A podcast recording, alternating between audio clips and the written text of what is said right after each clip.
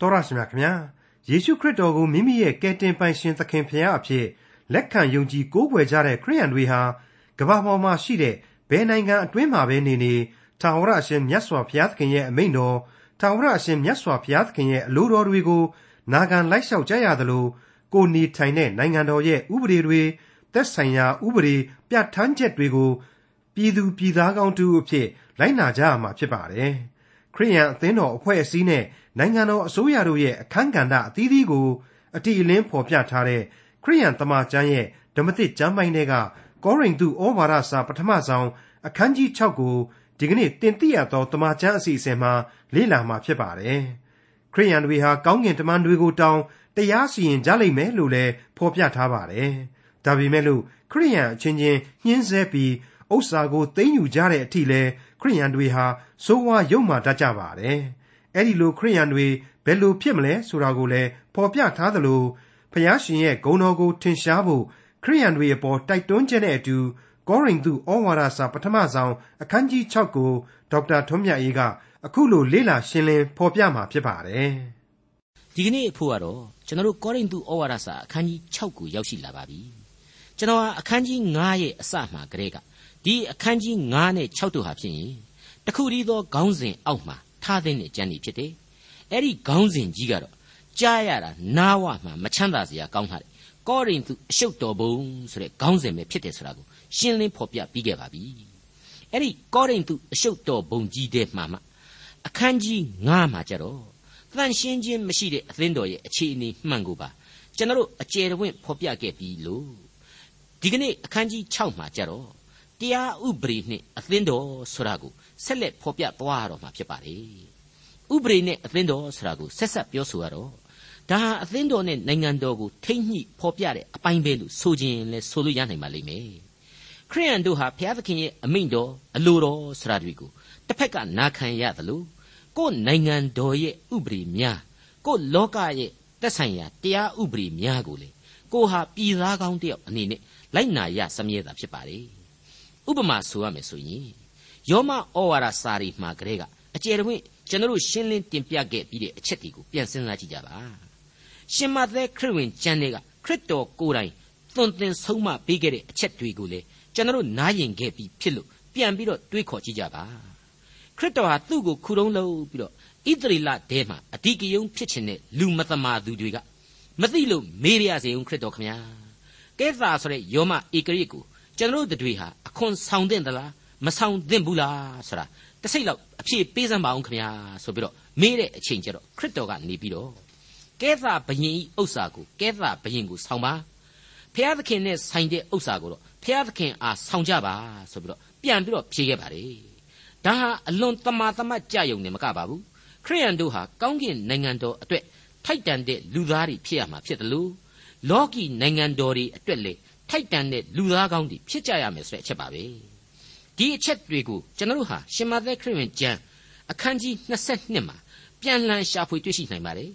မိษွေတို့ပြန်ဖတ်ကြည့်နိုင်မယ်ဆိုရင်ပို့ပြီးတော့ရှင်းနိုင်ပါလိမ့်မယ်ဒီတော့ဖျားသခင်ရဲ့အလိုဆန္ဒနဲ့နှုတ်ကပတ်တော်ကဒီဥပဒေနဲ့တရားဥပဒေနဲ့အသင်းတော်တို့အကြောင်းကိုဖော်ပြခြင်းဟာရှုပ်ထွေးခြင်းအရှင်းမရှိပါဘူးအငင်းပွားเสียအကြောင်းလည်းဘာမှမရှိဘူးလို့ကျွန်တော်ခံယူမိပါတယ်ရှင်ပေါလုအနေနဲ့ကတော့ယောမဩဝါဒစာအခန်းကြီး73အငယ်1ကနေ4အတွင်းမှာ အခုလိုဖော်ပြခဲ့ပါတယ်အစိုးရမင်းအာနာစက်အုပ်စိုးခြင်းကိုလူတိုင်းဝန်ခံစေအကြောင်းမူကားဖျားသခင်အခွင့်မရှိလျင်မင်းအာနာစက်မရှိအာနာစက်ရှိသမျှသည်ဖျားသခင်ခန့်ထားတော်မူရာဖြစ်သည်ထို့ကြောင့်မင်းအာနာကိုဆန်သောသူသည်ဖျားသခင်စီရင်တော်မူရာကိုဆန်သောသူဖြစ်ထို့သောဆန်သောသူသည်ယာစုကိုခံရမည်မင်းမူကားကောင်းသောအကျင့်ကိုကျင့်သောသူကြောက်ဖို့ဖြစ်သည်မဟုတ်မကောင်းသောအကျင့်ကိုကျင့်သောသူကြောက်ဖို့ဖြစ်၏ မင်းအာနာကိုမကြောက်ဖဲနေခြင်းတလို့ကောင်းသောအကျင့်ကိုကျင့်လော့ကျင့်လျင်မင်းအာနာကြောင့်ချီးမွမ်းခြင်းကိုခံရလိမ့်မည်တဲ့အဲ့ဒီလိုရှင်ပေါလုအကျေတွင်ဖော်ပြခဲ့ပါတယ်အဲ့ဒီနေရာမှာတင်ဒါဆိုရင်ကဘာပေါ်မှာနိုင်ငံရေးဆိုတာဘယ်လုပ်ပြီးအပြောင်းလဲရှိတော့မှာတော့တော်လန်ရေးကြီးတွေဆိုတာဘာအတိတ်ပဲရှိတော့မှာတော့စသဖြင့်ဇောရကတက်တဲ့လူတွေပေါ်ထွက်လာလိမ့်မယ်လို့ကျွန်တော်ထင်ပါတယ်ညင်းညင်တဲ့လူတွေပေါ့အဲ့ဒီလိုလူမျိုးတွေအတွက်လေဖျားသခင်ရဲ့နှုတ်ကပတ်တော်သင်ခန်းစာများကို အလေးအနက်ကြည့်ရှုလေ့လာရလိမ့်မယ်ဖျားသခင်ရဲ့အလိုတော်နဲ့အဖြေဆိုတာကိုလေမြင်နိုင်လောက်တဲ့ဝိညာဉ်အသိတရားနဲ့သာလုပ်ရမယ်။သာမန်အားဖြင့်တော့ဘုရားသခင်ကအခွင့်အာဏာပေးထားတဲ့နေ့မှာမင်းဖြစ်ပေမဲ့လေဘုရားသခင်ကမိနီပြပြီးတော့ဖြုတ်ချလိုက်ပြန်တော့လေဘယ်မင်းဆိုရာဇာမှခံနိုင်ယူထုံးစံမရှိဘူးပုတ်ခနဲ့ပြုတ်ကြတာကြီးပဲဒါကြောင့်မလို့အရာရာမှာဘုရားသခင်သာလျှင်အဓိကဖြစ်ရမယ်ဆိုတာကိုကျွန်တော်ရှင်းလင်းဖော်ပြခဲ့ပြီးပါပြီဒါအပြင် နှုတ်ကပတ်တော်အတိုင်းအနုလုံပရိလုံစဉ်းစားဝေဖန်ပြီးတော့မှကိုလှုပ်ချင်တဲ့နိုင်ငံရေးကိုလှုပ်မယ်ဆိုရင်စကြတဲ့ကနှလုံးသားဟာနူးညံ့သိမ်မွေ့ပြီးသားဖြစ်တယ်ဖျားသခင်ရဲ့အလိုတော်နဲ့အများကြီးကိုက်ညီမှုရှိလိမ့်မယ်အကောင်းမြင်စိတ်ဓာတ်တွေအများကြီးပွားများပြီးဖြစ်လိမ့်မယ်တရားသဘောတွေပါလာလိမ့်မယ်လို့ကျွန်တော်တွေးပါတယ်အခုတမန်တော်ကြီးရှင်ပေါလုပြောနေတဲ့မင်းအာနာကိုမဖီဆန်ရေးတရားရဲ့ခရစ်တော်ကိုယ်တိုင်က မင်းနဲ့ထိုက်တန်တဲ့ဥစ္စာကိုမင်းတို့စီကိုသာပြန်ပေးရမယ်ဆိုတဲ့အတိုင်းအစိုးရမင်းတို့ဘက်ကရှေ့နေလိုက်ပြီးပြောနေတဲ့အချိန်ကကပ္ပသမိုင်းကိုပြန်ပြီးတော့လေ့လာလိုက်မယ်ဆိုရင်အဲ့ဒီအချိန်ကာလရဲ့ဂျူးလူမျိုးတို့အဖို့အာနာစိုးမိုးထားသူဟာယောမသားတွေဖြစ်ပါတယ်ဂျူလီယက်စီဇာကနေစတင်လာတဲ့စီဇာသို့မဟုတ်ကဲသမင်းမျိုးတွေပဲပေါ့အဲ့ဒီမင်းမျိုးတွေဟာအကုန်တကိုးထက်ကြတာကြီးပဲတယောက်နဲ့တယောက်တော့တကိုးထက်ပုံချင်းပုံစံချင်းတော့ကွာခြားတာပေါ့ အရှိဘက်ပါရှားကနေပြီးတော့ Greek လို့ခေါ်တဲ့ခေါမခေါမကနေပြီးတော့ယောမဆိုပြီးတော့နိုင်ငံတော်အာဏာတွေဟာမဟာမဟာ empire ကြီးတွေထူထောင်ပြီးတော့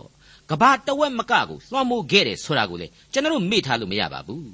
အခုပေါလုရဲ့ဩဝါဒစာရေးသားခြင်းမှာတော့ယောမအာနာဟာထိတ်တန်းမှာပြေးနေတာပေါ့အဲ့ဒီယောမဆိုတာဟာသူ့တရားစီရင်ရေးနဲ့ပတ်သက်ရင်အင်မတန်သူတို့ရဲ့တရားဥပဒေအပေါ်မှာအထင်ကြီးတဲ့လူမျိုး အဲ့ဒီသူ့တရားစီရင်ရေးနဲ့လေအဲ့ဒီအချိန်ကသူလွှမ်းမိုးထားတဲ့ကဘာမှာတနေရာမှမလွတ်ဘူးလွတ်အောင်ရှောင်ပြေးလို့မရတော့အောင်နဲ့ခြေလှမ်းကျဲတယ်ခိုင်လဲခိုင်မာခဲ့တယ်အဲ့ဒီတော့အဲ့ဒီလောက်အထိကြောက်ဖို့ကောင်းတဲ့ယောမအာနာရှင်စနစ်ကြီးရဲ့အောက်မှာပဲဖျားသခင်ရဲ့အမှုတော်ဟာနန်းတော်အတိုင်းအဝိုင်းတွေတဲ့ကိုတောင်မှဖောက်ပြီးတော့ဝင်ရောက်နိုင်ခဲ့တယ်ဖျားသခင်ရဲ့အလင်းတရားကိုနန်းတော်သားတွေတချို့တောင်မှမြင်ခဲ့ရတယ်ဆိုတာတွေဟာအလွန်ကြီးမားတဲ့တန်ရှင်းသောဝိညာဉ်တော်ရဲ့အလုပ်ဖြစ်တယ်ဆိုတာကို ကျွန်တော်တို့သေချာသဘောပေါက်နားလည်ထားနိုင်ကြရပါလိမ့်မယ်အဲ့ဒါဟာတနည်းအားဖြင့်ဆိုရင်တော့ယောမခေတ်မတိုင်ခင်ကလေးက Greek အာနာရှင်ကြီး Alexander the Great လက်ထက်အဖြစ်အပျက်ဒီမှာလေဒီအတိုင်းပဲကျွန်တော်တို့တွေ့ကြရဘူးပါပြီ Alexandra ဆိုတာဟာဂျူးမဟုတ်ဘူး Greek လူမျိုးတနည်းအားဖြင့်ဟေလသအာနာရှင်ကြီးဖြစ်တယ်တနည်းအားဖြင့်နတ်ရုပ်လောက်ကိုပဲသူကိုးကွယ်ခဲ့မှာပေါ့ဒါပေမဲ့နှုတ်ကပတ်တော်ကိုသူလက်ခံခဲ့ရုံနဲ့မကဘူး သူ့ရဲ့လက်အောက်ခံအီဂျစ်နိုင်ငံက Alexandra ဆိုတဲ့မြို့ကြီးစီကိုဂျူးပညာရှင်အပါ80ကိုခေါ်ယူပြီးတော့တမန်ကျမ်းစာဓမ္မဟောင်းတွေကို Greek လို့ခေါ်တဲ့ဟေလသဘာသာနဲ့ဘာသာပြန်ဆိုခိုင်းနေဆိုပြီးတော့ကမ္ဘာသမိုင်းမှာဖော်ပြထားတယ်အဲ့ဒီလို Greek ဘာသာစကားနဲ့ဓမ္မဟောင်းကျမ်းတွေရှိခဲ့လို့လေအခုတမန်တော်ကြီးရှင်ပေါလုတို့ရဲ့အချိန်မှာနှုတ်ကပတ်တော်ဟာ Greek စာပေအရှိန်အဟုန်နဲ့ပို့ပြီးတော့ပြန့်နှံ့သွားရတယ်လူသားတွေနားလည်သွားရတယ် ဒီတော့ဒီအချက်တွေကိုတေချာပြန်စဉ်းစားလိုက်ရင်ဖျားသခင်ရဲ့ဘုံတကူတော့ဘလောက်ကြီးတယ်လေဖျားသခင်ရဲ့ပြင်ဆင်တော်မူခြင်းတွေဟာကိုလူသားတွေနားမလည်နိုင်လောက်အောင်ဘလောက်အံ့ဩပွေဖြစ်တယ်လေဆိုတာကိုဘယ်သူမှညင်းမနေနိုင်လောက်အောင်ထင်ရှားလောက်ပြီလို့ကျွန်တော်ယူဆမိပါတယ်မိတ်ဆွေအပေါင်းတို့အသင်းတော်ဆိုတာဟာလောကီနိုင်ငံတော်မှာအဆောက်အုံနဲ့အသင်းအပင်အဖွဲ့အစည်းနဲ့တည်နေရတာပါဒီတော့လူအဖွဲ့အစည်းဥပဒေဆိုတာကိုအသင်းတော်ဝင်ဆိုပြီးတော့ဆန့်ကျင်လို့မရပါဘူး ကပ္ပဦးကျမ်းအခန်းကြီး9အငယ်6မှာဆိုရင်အကျဉ်သူသည်လူ၏အသက်ကိုသွန်း၏ထိုသူ၏အသွေးကိုလူလက်ဖြင့်သွန်းရမည်အကြောင်းမူကားဘုရားသခင်သည်မိမိပုံသဏ္ဍာန်နှင့်အညီလူကိုဖန်ဆင်းတော်မူ၏ဆိုပြီးဖော်ပြထားပါတယ်ဒီတော့သေစားသေရမယ်ဆိုတဲ့ဥပဒေဟာအဲ့ဒီဓမ္မဦးကာလကဘာဦးကာလကလေးကအခြေခံတည်ရှိခဲ့ပြီမဟုတ်ဘူးလားဒီတော့ယုံကြည်သူတို့အသင်းတော်ဆရာဟာဘုရားသခင်ကိုယ်တိုင်ကနှစ်သက်လို့ခွင့်ပြုထားတဲ့ဥပဒေပြုအစိုးရအဖွဲ့အပေါ်မှာ ဆရာကြီးမလုပ်ရပါဘူးတစ်ချိန်တည်းမှာပဲနော်နိုင်ငံတော်အာဏာနဲ့များအသင်းတော်ကိုတွားပြီးတော့ကြိုးကင်ဖို့တော့လေမကြံစီကြလိမ့်နဲ့အဲ့ဒါဟာဘုရားသခင်အလုတ်ကိုဝင်ရှုပ်ခြင်းပဲဖြစ်လို့ကြောက်မဲ့ဖွယ်အပြစ်ကျူးလွန်မှုလို့ဘုရားသခင်သတ်မှတ်ထားတယ်မိษွေတို့ခမညာအခန်းကြီး6ရဲ့ဏိဒန်းကိုကျွန်တော်ပြောနေတာဟာအတိတ်ပဲမဲ့မဟုတ်ပါဘူးအခန်းကြီး6ရဲ့အစမှပင်ဖြင့်တရားဥပဒေနှင့်အသင်းတော်အကြောင်းကိုအခုလိုမြင်တွေ့ရလို့ပဲဖြစ်ပါတယ်အခန်းကြီး6အငယ်1ကိုနားဆင်ကြပါ သင်တို့သည်အချင်းချင်းအမှုရှိလျင်တန်ရှင်းသူတို့ရှေ့၌တရားစီရင်ခြင်းကိုမခံဘဲသာသနာပလူတို့ရှေ့၌ခံဝန်သောသူတစုံတစ်ယောက်ရှိသလောအလွန်ကောင်းမြတ်မှန်ကန်ပြီးတော့လက်တွေ့ကျွန်တော်တို့မကြာခဏကြားနေမြင်နေရတဲ့ကိစ္စဖြစ်ပါတယ်အသင်းတော်အတွင်းမှာဖြစ်တာကိုဘာဖြစ်လို့အပြင်ဥပဒေတွေနဲ့ညှိအောင်လုပ်နေကြမှာလဲအချင်းချင်းညှိနှိုင်းပြီးတော့ရှင်းလင်းလိုက်ရင်မပြီးဘူးလားဆိုတဲ့အတိတ်ပဲပဲဖြစ်ပါတယ်ဘလောက်ကောင်းတယ်လေကြားဘူးကြတယ်မဟုတ်ဘူးလားသင်းငယ်သောအမှုကိုပပျောက်စေ ကြီးသောအမှုကိုသိငယ်စေတဲ့တနည်းအားဖြင့်ခရိယန်ယုံကြည်သူတို့ဟာလေတရားစီရင်ခြင်းဆိုတာကိုခံကြရမယ်ဒါပေမဲ့ကိုယ့်အချင်းချင်းအမှုပြေပြောက်မယ်ဆိုရင်အကောင်းဆုံးပဲဖြစ်တယ်ဆိုတဲ့အဓိပ္ပာယ်ပါအဲ့ဒီလိုယုံကြည်သူများရဲ့အသင်းတော်နဲ့ဥပဒေဆိုတာကိုအခြေခံသဘောစတင်ပြီးတဲ့နောက်ယုံကြည်သူတို့အတွက်တရားစီရင်မှုအင်အားဆိုတာကိုကျွန်တော်ဆက်လက်တင်ပြလိုပါတယ်အငယ်နှစ်ကိုနားဆင်ကြည့်ကြပါတန်ရှင်းသူတို့သည်လောကီနိုင်ငံကိုတရားစီရင်ရမည်ဟုမသိကြသလော သင်တို့သည်လောကီနိုင်ငံကိုစီရင်ရသည်မှန်လျင်အငယ်ဆုံးသောအမှုများကိုမစီရင်တတ်သလောယုံကြည်သူတို့ရဲ့အင်အားဟာဘလောက်ကောင်းမွန်တယ်လဲအသက်ပါတယ်လေခရစ်တော်ရဲ့တန်ရှင်းသောဝိညာဉ်တော်အဖြစ်လောကကိုအောင်နိုင်တယ်ဆိုတဲ့အ내အတိတ်ပဲကျွန်တော်တို့ပြီးခဲ့တဲ့သင်ခန်းစာမှာတွေ့ခဲ့ရပြီးပြီအခုတကြော့ပြန်ပြန်ပေါ်လာတယ်လို့ပဲဒါကိုကျွန်တော်ကပြောတော့ခရိယန်ဘာသာဝင်အကုန်လုံးဟာသူများရဲ့အထက်စီးမှာနေနေရမယ်ဆိုတဲ့သဘောမျိုးမသက်ဝင်စေပါဘူးနော်ဒီသဘောမျိုးမဟုတ်ပါဘူးနော်တန်ရှင်းသူ သို့မဟုတ်ဘုရားသခင်ကိုအမှန်တကယ်အားကိုးခိုလုံသူတို့ဟာကမ္ဘာလောကအပေါ်မှာလွှမ်းမိုးနိုင်စွန်းဝိညာဉ်ခွန်အားရှိတယ်ဆိုတဲ့ဝိညာဏအင်အားကိုဆိုလိုခြင်းဖြစ်ပါတယ်ဒီနေရာမှာကိုးကားတိုက်တာကတော့တိမောသေဩဝါဒစာဒုတိယစာဆောင်အခန်းကြီး2အငယ်7ပါပဲသီးခံလျင်ထိုသခင်နှင့်အတူစိုးစံလိမ့်မည်ထိုသခင်ကိုငါတို့သည်ညှင်းပယ်လျင်ငါတို့ကိုညှင်းပယ်တော်မူလိမ့်မည်ဆိုတဲ့အချက်တနည်းအားဖြင့်တော့ကယ်တင်ရှင်သခင်ခရစ်တော်အားဖြင့် လောကကိုအောင်မြင်နိုင်တယ်ကယ်တင်ရှင်မရှိဘူးဆိုမှဖြင့်ကိုဟာလောကရဲ့လွှမ်းမိုးမှုအောက်မှာပဲစုံစုံမြုပ်သွားရမယ်ဆိုတဲ့အခြေခံအချက်ကြီးပဲဖြစ်ပါတယ်ကောရိန္သုဩဝါဒစာပထမစာဆောင်အခန်းကြီး6အငယ်3ငါတို့သည်ကောင်းကင်တမန်တို့ကိုတရားစီရင်မည်ဟုမသိကြသလောတို့ဖြစ်၍လောကီအမှုကိုစီရင်တိုက်သည်မဟုတ်လောကျွန်တော်ပြောခဲ့သလိုမြောက်မျိုးသာကိုကိုကိုဖြစ်တဲ့ထင်နေတဲ့လူတွေတော့မပါဘူးဖျားသခင်ဖန်ဆင်းတဲ့လူသားဆိုတာကတော့ ကောင်းကင်နိုင်ငံတော်ကိုဝင်ရောက်ခွင့်ရတယ်ခရစ်တော်နဲ့အတူဘုန်းတော်ကိုဝင်စားတယ်ဆိုရင်တော့ကောင်းကင်တမန်ကိုတောင်မှပြန်ပြီးတော့တရားစီရင်နိုင်သေးတယ်ဆိုတာကိုရှင်ပေါလုဖော်ပြလိုက်ပါတယ်ဟုတ်ပါတယ်ကောင်းကင်တမန်တဲမှာအကောင်းဆုံးလှပဆုံးဆိုတဲ့ကောင်းကင်တမန်ဟာစာရမဏတ်ဖြစ်သွားတယ်လို့ကျွန်တော်တို့ဆိုထုံးစကားရှိပါတယ်ဒါကိုဓမ္မပညာရှင်အတော်များများကလည်းလက်ခံထားပါတယ်ကျွန်တော်တို့လူသားဆိုတာရဲ့လူဘဝဖြစ်ခြင်းအကြောင်းကတော့ လောကသားဘဝမှာတင်ကောင်းငင်တမန်တဲ့အောက်အနည်းငယ်နှိမ့်ချခြင်းကိုခံယူထားရတယ်ဆိုပြီးတော့ဒါဝိမင်းကြီးကဆာလံတီချင်းမှာဖော်ပြထားပါတယ်ဒါပေမဲ့ကျွန်တော်တို့ဟာအဲ့ဒီလူလူသားမျိုးဖြစ်ပြီမယ်ကိုယ့်ကိုယ်ကိုသိထားဖို့ကတော့ဝိညာဏစွန့်ပကားရှိတဲ့လူသားဖြစ်နေတယ်ဝိညာဉ်တော်ဖြစ်တဲ့ကယ်တင်ရှင်သခင်ခရစ်တော်အဖင်စာရမဏတ်ကိုအောင်မြင်နိုင်ရမယ်ဆိုတာဟာသစ္စာတရားလည်းဖြစ်နေတယ်ရှင်ပေါလုအနေနဲ့ဒါကိုအလေးအနက်ညှို့ဆိုလိုက်ခြင်းနဲ့လည်းအတူတူပါပဲ ဟုတ်တယ်ကောင်းငင်တမန်ကိုတောင်မှပြန်ပြီးတော့စီရင်နိုင်တယ်ဆိုတဲ့အချက်အပြင်အဲ့ဒီကောင်းငင်တမန်ဆိုတာဟာဖောက်ပြန်ပျက်စီးသွားတဲ့စာရန်မဏတ်ဆိုတဲ့အဓိပ္ပာယ်တက်ရောက်တယ်ဒီအချက်ကိုကျွန်တော်ကနှုတ်ကပတ်တော်ရဲ့အခုလိုခက်ခဲတဲ့အပိုင်းမှာကိုယ့်ရဲ့သာမညအုံနောက်နဲ့အဲ့ဒီလောက်သာဖွင့်ဆိုပြနိုင်ပါတယ်ဒါပေမဲ့သူ့ရဲ့အခြေခံအနှစ်သာရတွေကတော့ပြီးပြတ်ရှင်းလင်းနေပြီးသားဖြစ်တယ်လို့ကျွန်တော်အလေးနဲ့ခံယူပါတယ်ကောရိန္သုဩဝါဒစာပထမစာဆောင်အခန်းကြီး6အငယ်၄နဲ့5 ထို့ကြောင့်သင်တို့သည်လောကီအမှုကိုစီရင်เสียရှိလျင်အသရေနည်းသောသူတို့ကိုတရားသူကြီးအရာ၌ခံထားကြလော့ထို့သောဆိုသောသင်တို့ရှက်စေခြင်းဟာပြောဆို၏တို့ရာတွင်သင်တို့တွင်ပညာရှိတစုံတစ်ယောက်မျှမရှိသလောညီအကိုချင်းတို့၏အမှုကိုစီရင်ဆုံးဖြတ်နိုင်သောသူတစုံတစ်ယောက်မျှမရှိသလောဒီအပိုင်းဟာရုပ်တရက်နားထွေးနိုင်ပါတယ်နှုတ်ကပတ်တော်ဆန့်ကျင်ရေးသမားတွေပြည့်ရဲ့ပြုတ်နိုင်တဲ့အပိုင်းလို့လည်းဆိုကြပါလေလောကမှာဖြစ်ပြနေတဲ့အမှုတွေဆိုတာဟာဝိညာဉ်ခွန်အားမပါဘဲနဲ့တောင်းမှ ရှင်းလင်းလို့ရနိုင်တဲ့အဆင့်သာဖြစ်တယ်ဆိုတာကိုယေဘူးယသဘောအဖြစ်ရှင်ပေါလုဖော်ပြလိုက်တာပဲဖြစ်ပါတယ်အတိတ်တရားအလင်္ကာနဲ့ဆိုလိုက်ခြင်းလို့ကျွန်တော်ခံယူပါတယ်ပြည်သူနီတိတို့လူမှုရေးစည်းကမ်းတို့ဆိုတာတွေဟာလူအချင်းချင်းကြားမှာလူကျင့်ဝတ်အဖြစ်တည်နေပြီးပြီလေဒါတွေဟာသာမန်လူအုံနောက်နဲ့ပဲရှင်းလို့ရလိုက်တယ်ဆိုတာရှင်းမနေဘူးလားရလိုက်လို့လေပြည်သူနီတိတို့အဲ့ဒီလူမှုရေးစည်းကမ်းတို့ဆိုတာပေါ်လာတာပဲမဟုတ်ဘူးလားကောရိန္သုဩဝါဒစာပထမစာဆောင်အခန်းကြီး6 အငယ်6မှ7ညီအကိုချင်းတို့သည်တရားတွေ့သည်သာမကမယုံကြည်သောသူတို့ရှေ့၌ပင်တရားတွေ့ပါသည်တကားထို့သောသင်တို့သည်အချင်းချင်းတရားတွေ့သည့်အမှုမှာအလွန်ကြီးစွာသောအပြစ်ရှိကြ၏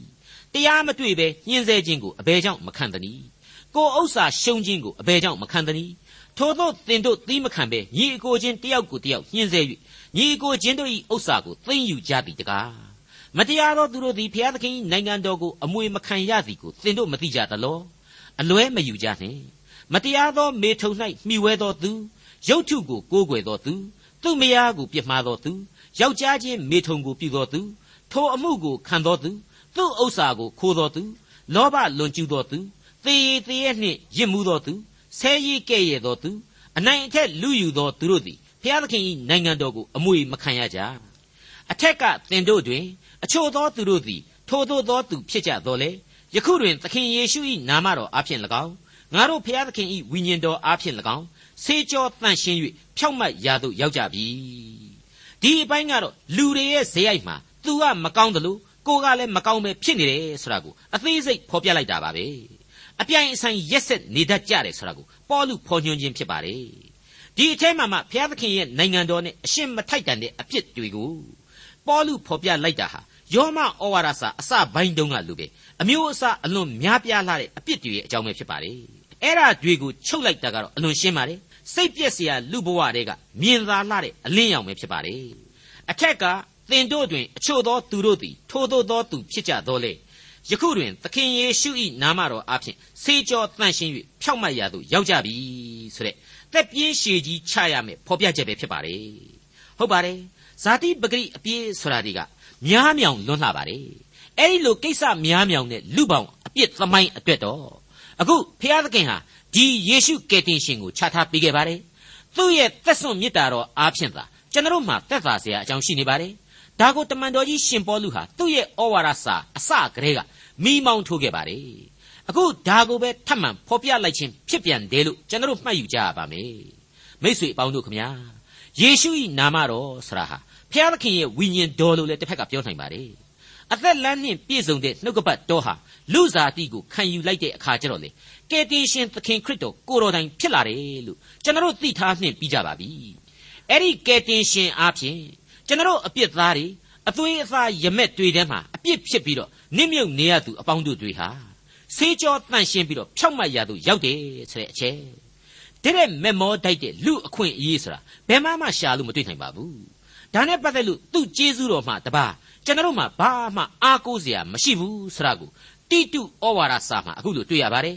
တိတုဩဝါဒစာအခန်းကြီး3အငယ်9မှာပြန်ပြီးတော့ဖတ်ကြည့်ကြပါငါတို့ကျင့်သောဖြောင့်မတ်ခြင်းအကျင့်အပြင်မဟုတ်ဘဲမိမိတနာခြင်းဂယုနာတော်နှင့်အညီဒုတိယမွေးခြင်းနှင့်ဆိုင်သောဆေးကြောခြင်းအပြင်၎င်းတန်ရှင်းသောဝိညာဉ်တော်၏အသစ်ပြုပြင်ခြင်းအပြင်၎င်းငါတို့ကိုကဲ့တင်တော်မူ၏ဆိုပြီးတော့ဖော်ပြထားခြင်းဖြစ်ပါတယ်မှန်ပါတယ် အမှန်တကယ်ခရစ်တော်ကိုယုံကြည်တယ်ဆိုရင်အသစ်သောဘဝကိုပြောင်းလဲရပါမယ်အဲ့ဒါဟာ born again ဆိုတဲ့အသစ်သောမွေးဖွားခြင်းရဲ့အနှစ်ချုပ်ပါရေ၌နှစ်ချင်းခံတယ်ဗတ္တိဇံခံတယ်ဆိုတာတွေဟာအဲ့ဒီလိုဆေးကြောခြင်းကိုခံယူခြင်းရဲ့သင်္ကေတအထိတ်အမှတ်သာဖြစ်ပါတယ်ဒီဝိသေသလက္ခဏာတဲ့ကယ်တင်ရှင်ကိုနှလုံးသားအတွင်ခံယူခြင်းဟာမပါဝင်ရင်မဖြစ်သလိုနှလုံးသားရဲ့ခံယူချက်ကိုလေဒီလက္ခဏာသက်သေနဲ့ပြန်ပြီးတော့အတီးပြုတ်ဖို့ရန်ခ ရစ်တော်အလိုတော်ရှိထားပါတယ်မှားကြားတော်မူခဲ့ပါတယ် you are sanctified သို့မဟုတ်ဆေးကြောပြီးနောက်မှာတန့်ရှင်းခြင်းရှိပြီဆိုတာဟာဒီအပိုင်းမှာအခြေခံသဘောတရားတန့်ရှင်းခြင်းဆိုတာကိုရှင်ပေါလုရည်ညွှန်းထားပါတယ်တနည်းအားဖြင့်ခရစ်တော်၌ဂရိကဝတ်ကိုပြုခြင်းခရစ်တော်ကိုလက်ခံခြင်းအစဉ်ပေါ့နောက်တစ်ဆင့်ဖြစ်တဲ့တန်ရှင်းသောဝိညာဉ်တော်နှင့်တန်ရှင်းစင်ကြယ်စေခြင်းဆိုတဲ့လက်တွေ့သဘောတရားတန်ရှင်းခြင်းအဆင့်တစ်ဆင့်ကိုမဖော်ပြသေးပဲထားတယ်လို့ကျွန်တော်ခံယူပါတယ်။ ဘာပဲပြောပြောခရစ်တော်၌ယုံကြည်ခြင်းရှိခြင်းဆိုတဲ့အခြေခံသဘောတရားအဖြစ်ပင်လျင်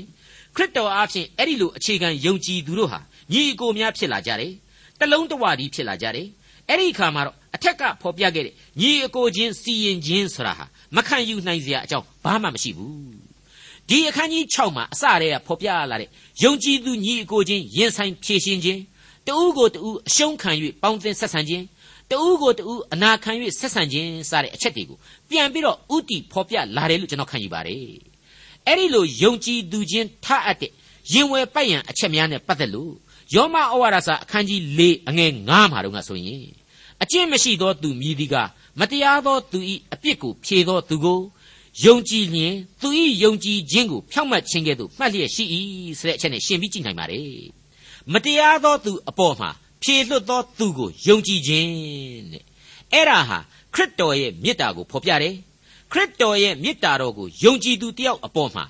ယုံကြည်မှုရှိရမယ်ဆိုတာကိုတနည်းအားဖြင့်တူးနဲ့တူးယုံကြည်ခြင်းရှိသူများဟာအပြန်အလှန်ယုံကြည်မှုရှိရမယ်ဆိုတာကိုတနည်းတလန်းဖော်ပြလိုက်တာပဲဖြစ်ပါတယ်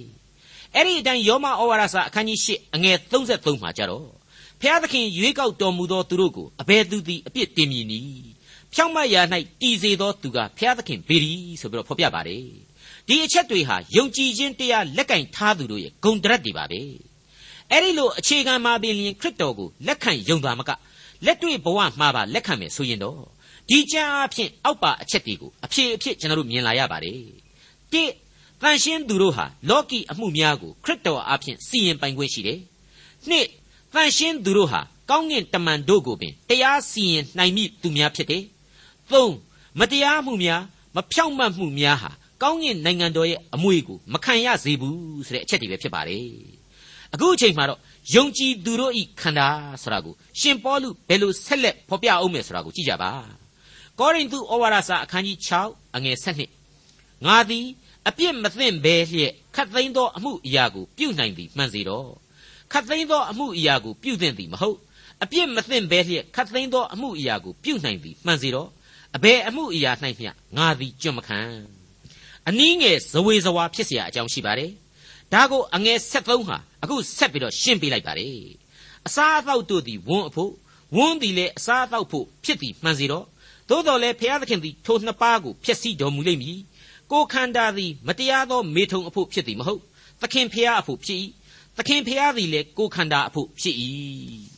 ခရစ်တော်နာမတော်အဖြစ်လွတ်လပ်စွာရှင်သန်ရခြင်းတွေဟာအလွန်များပြားလှပါတယ်တခါတည်းမှာလူလူချင်းအပြစ်ယူပေမဲ့ဘုရားသခင်ခွင့်လွတ်တော်မူခြင်းဆိုတာကိုဝိညာဏအသိတရားအဖြစ်ခံစားရတဲ့အချက်တွေရှိပါတယ်ဒီအကြောင်းတွေနဲ့ပတ်သက်လို့ပြောရမယ်ဆိုရင်အများကြီးပါအဲ့ဒီလိုကျေးဇူးတော်ကြောင့်ဝိညာဉ်ရေးဘဝမှာဆုံးရှုံးခြင်းမဖြစ်နိုင်ဘူးဆိုတာကိုသိတဲ့တိုင်အောင်မိမိရဲ့ကိုယ်ခန္ဓာဟာဘုရားသခင်ပေးအပ်ထားတဲ့ခန္ဓာကိုယ်ဖြစ်တယ် ဘုရားသခင်နဲ့ဆိုင်တယ်ဆိုတာသိလိုက်တဲ့တပြိုင်နက်ဇာတိပဂရိရဲ့ဆန္ဒလွန်ကဲမှုတွေကိုရှောင်နိုင်အောင်ကြိုးစားကြပါရှောင်ကြပါဆိုပြီးတော့ရှင်ပေါလုခွန်အားပေးလိုက်ခြင်းပါပဲကောရိန္သုဩဝါဒစာပထမစာဆောင်အခန်းကြီး6အငယ်14နဲ့15ဖျားသခင်သည်တကိုးတော်အားဖြင့်သခင်ဖျားကိုထမြောက်စေတော်မူသည်ဖြစ်၍ငါတို့ကိုလည်းထမြောက်စေတော်မူလိမ့်မည်သင်တို့ကိုယ်ခန္ဓာသည်ခရစ်တော်၏အင်္ဂါဖြစ်ကြောင်းကိုမသိကြသလောတို့ဖြစ်လျင်ခရစ်တော်၏အင်္ဂါကိုယူ၍ ပြည့်တစား၏အင်္ဂါဖြစ်စေအပ်သလောမဖြစ်စေအပ်မိษွေအပေါင်းတို့ခမညာကောရိန္သုအရှုပ်တော်ပုံကြီးမှာရှင်ပေါလုကနေပြီးတော့မူလာတန်းအဆင့်ယုံကြည်ခြင်းသာရှိတဲ့လူတွေအတွေ့ခလေးစိုးကြီးတွေအတွေ့မူလာတန်းအဆင့်တရားကိုပဲဟောရပါတယ်ရိုင်းပြနေတဲ့လူအဖွဲ့အစည်းနဲ့တန်ရတန်ရခတ်ရိုင်းရိုင်းလေးပဲသုံးလိုက်တဲ့အဆုံးအမဆိုပါတော့ဒီအသင်းတော်ဟာအညစ်အကြေးတွေနဲ့ဖောက်ပွနေပါလိမ့်မယ်ယုံကြည်ခြင်းကတစ်ဖက်ကတော့ရှိတယ် တစ်ဖက်ကလည်းအသွေးအသားဆန္ဒရမက်တွေကခေါင်းထောင်နေပါလိမ့်မယ်အခြေခံယုံကြည်ခြင်းဟာလက်တွေ့ယုံကြည်ခြင်းစီကိုကူးကျင်ပါလျက်နဲ့အသွေးအသားတတ်မဲ့မှုရည်စည်းကြောင်းကြီးထဲမှာကောရိန္သုအသင်းတော်သားတို့ဟာစုံကြီးဆန်းကြီးမျောပါနေကြရှာတယ်ဆိုတာကိုဒီဩဝါဒစာဟာဖော်ပြနေပါတယ်အဲ့ဒီလိုမျောပါနေတဲ့လူတွေကိုရှင်ပေါလုဟာမလျှော့မတင်းစောင်းကြိုညှင်းတယ်လို့အလိုက်သိင်္ဂလေးလိုက်ပြီးဖမ်းယူရဆယ်ယူရတယ်လို့ အမုန်းခံပြီးတော့လေပဲ့ပဲ့နေနေဝေါ်ဟာတာတွေနဲ့ဆယ်ယူရတယ်လို့ကျွန်တော်တွေးမိပါတယ်ဒီအဆုံးအမတွေဟာဖြင့်တစ်ချက်တစ်ချက်မှာလော်ကီဆန်တဲ့လူသားတို့အတွက်ခက်အလွန်မိပါတယ်တစ်ချက်တစ်ချက်မှာပိတ်ကလေးနဲ့ဘေးပြစ်လိုက်တယ်လို့အထိနာစေတယ်လို့လည်းကျွန်တော်မြင်ရပါတယ်ဒီအနှစ်သာရတွေကိုမိษွေတို့ကျွန်တော်တို့ဟာတန်ရှင်းသောဝိညာဉ်တော်အားဖြင့်လေးနဲ့စွာအတိတ်ပဲဖော်ထုတ်ရယူနိုင်ကြပါစေသင်ခန်းစာများကိုရှာဖွေတွေ့ရှိနိုင်ကြပါစေပြီးတဲ့နောက်မှာတော့ ကယ်တင်ရှင်သခင်ခရစ်တော်ရဲ့လက်တော်ကိုမြဲမြံစွာဆုပ်ကိုင်ထားနိုင်ကြပါစေဇာတိပဂရိအပြစ်သားများဘဝမှာကောင်းကင်နိုင်ငံတော်နှင့်ထိုက်တန်သောလူသားများဖြစ်နိုင်ကြပါစေလို့အထူးပဲဆန္ဒပြုပေးမိပါတယ်ကောရိန္သုဩဝါဒစာပထမစာဆောင်အခန်းကြီး6အငယ်16မှ18အဘယ်သို့နည်းပြည့်တစား၌မှီဝဲသောသူသည်ထိုပြည့်တစားနှင့်တသားတကိုယ်ဒီဖြစ်ကြောင်းကိုမသိကြသလောထိုသူနှစ်ယောက်တို့သည်တသားတကိုယ်ဒီဖြစ်ရလိမ့်မည်ဟုကြံစာလာ၏ သခင်ဖျား၌မှီဝဲသောသူသည်ထိုသခင်နှင့်တစိတ်တဝိညာဉ်တည်းဖြစ်၏မတရားသောမေထုံကိုကျင်ဆောင်ကြလော့လူပြုတ်သောဒုစရိုက်ရှိသမျှတို့သည်ကိုယ်ပြင်၌ရှိ၏မတရားသောမေထုံကိုပြုသောသူမူကားမိမိကိုယ်ကိုပင်ပြစ်မှား၏မိษွေအပေါင်းတို့၏ယိုယွင်းပျက်စီးနေတဲ့ဇာတိပဂရိအပြစ်တွေကိုတတ်မဲ့လွန်ကျူးရင်းနဲ့တစ်ဖက်ကခရစ်တော်ရဲ့အမှုတော်ကိုဆောင်တယ်ဆိုတာကိုလူအဖွဲ့အစည်းဟာသိပါလျက်နဲ့မှိမ့်ပြီးနေကြတယ်လို့ကျွန်တော်ဆိုချင်ပါတယ် ဟိုမှဒီမှကြားရတဲ့သတင်းအပုပ်အသိုးတွေသတင်းဆိုးတွေဟာကိုနာကိုပြန်ပြီးတော့ရှက်ရလောက်တဲ့အထိမကြာခဏရှိနေရတယ်ဆရာဟာလေလူလောကရဲ့အမှန်တရုပ်ပဲလို့ကျွန်တော်ဆိုချင်ပါတယ်ဒါတွေကိုလူအဖွဲ့အစည်းဟာမှိမ့်ပြီးခွင့်ပြုနေရပေမယ့်လူနှလုံးသားကိုမြင်တဲ့ဘုရားသခင်ကတော့ခွင့်မပြုနိုင်ပါဘူးမနှိမ့်မြို့နိုင်ပါဘူးကိုဟာဘုရားသခင်ရဲ့ဗိမ္မာန်တော်ဖြစ်တယ်ဆိုတာကိုဘုရားသခင်သိစေခြင်းနဲ့ကိုဟာခရစ်တော်ရဲ့အင်္ဂါအစိတ်အပိုင်းတစ်ခုသာဖြစ်တယ်ဆိုတာကိုလေဘုရားသခင်နားလည်စေခြင်းနဲ့ ကိုကိုကိုအပြစ်ဒုစရိုက်မှာအနှံခြင်းဟာဗိမ္မာန်တော်ကြီးကိုခဲနဲ့ပေါက်ခြင်းကွန်စရီနဲ့ထွေးခြင်းဗိမ္မာန်တော်ခေါင်မိုးကသွတ်ကိုဖြုတ်ပြီးရောင်းစားခြင်းနဲ့ဘာမှမထူပါဘူးဒါတွေကိုကောရိန္သုအသင်းတော်မှာအစအနတွေသတင်းရတဲ့အတွက်ကြောင့်လည်းဖြစ်နိုင်တယ်သို့ဒီမဟုတ်သူ့ရဲ့စိတ်ဝိညာဉ်အားဖြင့်ရှင်ပေါလုဟာသိကျွမ်းနားလေထားပြီးသားဖြစ်လို့လည်းဖြစ်နိုင်တယ်ဒါမှမဟုတ်ရင်လည်းတိုင်စာတန်းစာများအရာဖြစ်နိုင်တယ်သူဟာပဲ့ပဲနေနေပဲဆုံးမပေးလိုက်ပါတယ် မိษွေတော်တတ်ရှင်အပေါင်းတို့ခမညာဒီကနေ့ကျွန်တော်တို့ယုံကြည်သူတို့ရဲ့အဖွဲ့အစည်းမှာလေဒီလိုအဖြစ်အပျက်မျိုးတွေဟာရှောင်လို့တိမ့်လို့မရတော့အောင်အလွန်များပြားနေတယ်ဆိုတာကိုကျွန်တော်ဖော်ပြပြီးခဲ့ပါပြီကျွန်တော်တို့ဟာကယ်တင်ရှင်သခင်ခရစ်တော်ရဲ့ဘက်မှာအကျွင့်မဲ့ယက်တီသူတွေလားစာရမဏတ်ဘက်ကိုစိတ်ညွတ်နေသောသူတွေလားကိုကိုကိုပြန်လဲဆန်းစစ်ရမယ့်အချိန်ဟာဒီကနေ့ဒီအချိန်ပဲဖြစ်ပါတယ်ကောရိန္သုဩဝါဒစာပထမစာဆောင်အခန်းကြီး6အငယ်16နဲ့20အဆုံးအထိ အဘယ်သို့နည်းသင်တို့ကိုခန္ဓာသည်ဘုရားသခင်ပေးသနာတော်မူသောဝိညာဉ်တော်ဒီဟုသောသင်တို့အထက်၌ကျိမ့်ဝတ်၍တန်ရှင်းသောဝိညာဉ်တော်ဤဗိမှန်ဖြစ်ကြောင်းကို၎င်းမိမိတို့ကိုမိမိတို့မပိုင်ကြောင်းကို၎င်းမသိကြသလောသင်တို့သည်အဖိုးနှင့်ဝယ်တော်မူသောသူဖြစ်သောကြောင့်ဘုရားသခင်ပိုင်တော်မူသောသင်တို့၏ကိုယ်ခန္ဓာနှင့်စိတ်ဝိညာဉ်အားဖြင့်ဘုရားသခင်၏ဂုဏ်တော်ကိုထင်ရှားစေကြလော့တိဘုရားသခင်ပေးထားတဲ့ဝိညာဉ်တော်ကျိမ့်ဝတ်တဲ့အရာနှစ်ခ ရစ်တော်အားဖြင့်ရှင်ပြန်ထမြောက်ရမယ်ခန္ဓာကိုယ်သုံးတန်ရှင်းသောဝိညာဉ်တော်ဤဗိမှန်အဲ့ဒီအချက်သုံးချက်ဟာငမိုက်သားအပြစ်သားကျွန်တော်လူသားဘဝအတွက်ပြင်းထန်လှတဲ့ရိုက်ချက်များဖြစ်ပါတယ်ဒီရိုက်ချက်တွေဟာပြင်းထန်တဲ့နာကျင်မှုကိုပေးစွန်သလားဖျားသခင်နဲ့ထိုက်တန်တဲ့အသက်တာလမ်းကိုဖြစ်ပွားလာစေသလားဆိုတာကိုတော့ဆုတောင်းခွန်အားယူစဉ်းစားဖို့ပဲရှိပါလိမ့်မယ် ဒေါက်တာထွန်းမြတ်ရေးစီစဉ်တင်ဆက်တဲ့တင်ပြတော်တမချန်းအစီအစဉ်ဖြစ်ပါတယ်နောက်တစ်ချိန်အစီအစဉ်မှာခရိယန်တမချန်းဓမ္မသစ်ကျမ်းပိုင်းတွေကကောရိန္သုဩဝါဒစာပထမဆုံးအခန်းကြီး9အခန်းငယ်1ကနေအခန်းငယ်19အထိကိုလေ့လာမှာဖြစ်တဲ့အတွက်စောင့်မျှော်နားဆင်နိုင်ပါတယ်။